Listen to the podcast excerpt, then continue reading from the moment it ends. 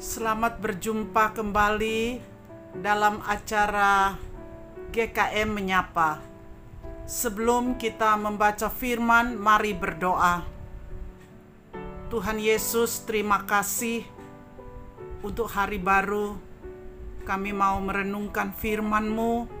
Mohon berkat Tuhan Roh Kudus memimpin pembacaan dan perenungan dari awal sampai akhir dalam nama Yesus.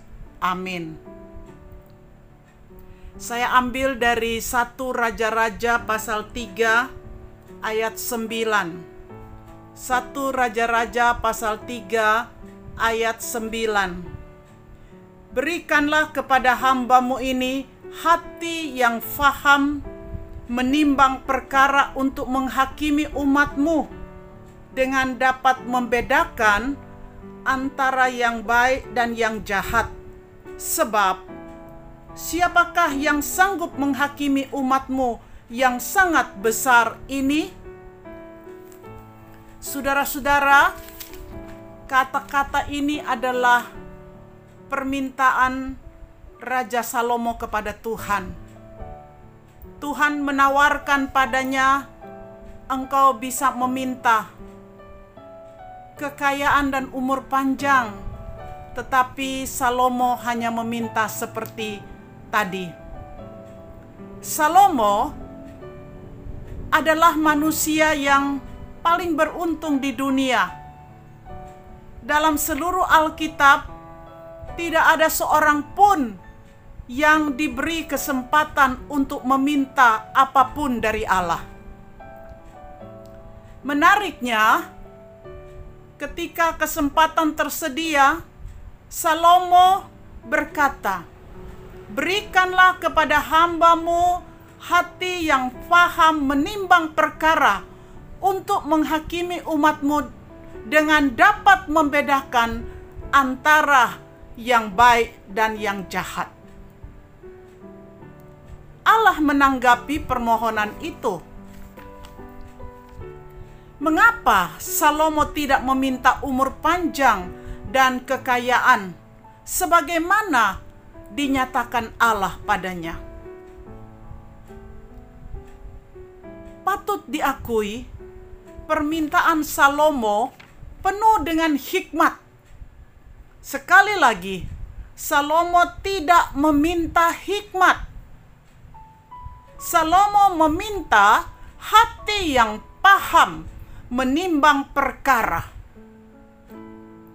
Banyak orang sering mempunyai satu pemahaman bahwa Salomo meminta hikmat. Tetapi di sini Salomo bukan minta hikmat itu sendiri, tetapi yang dia minta adalah hati yang berhikmat. Jadi penekanan Salomo di sini adalah bukan hikmatnya, tetapi hatinya.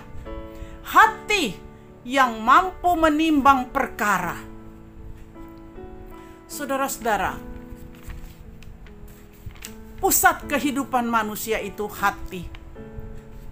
Hati adalah segala-galanya. Hati yang mampu menimbang perkara karena Raja Salomo tahu sebagai seorang raja yang memerintah bangsa yang besar itu tidak mudah.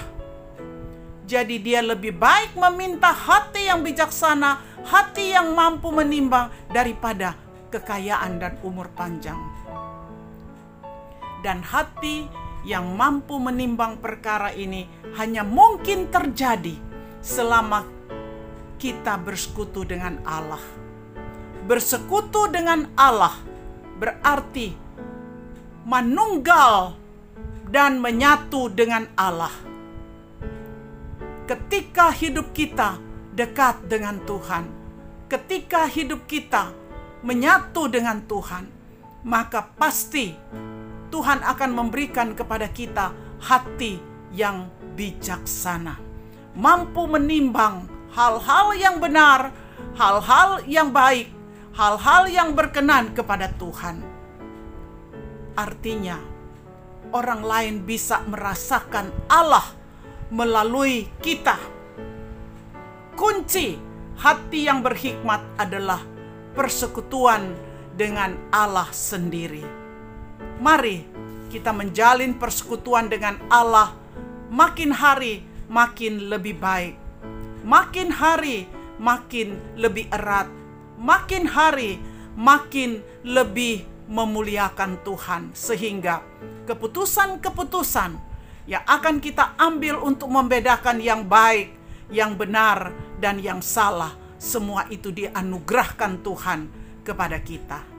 Amin. Mari berdoa. Bapa di sorga, Bapa yang baik, kami bersyukur untuk anugerahmu pagi hari ini dalam perenungan kami lewat doa Raja Salomo. Salomo begitu orang yang sungguh berhikmat karena dia minta pada Tuhan hati yang mampu menimbang perkara-perkara yang baik, benar, dan salah. Kiranya Tuhan memberkati kami untuk hidup dekat dengan Engkau, sehingga kami mampu melakukan yang berkenan kepadamu dalam nama Yesus. Amin.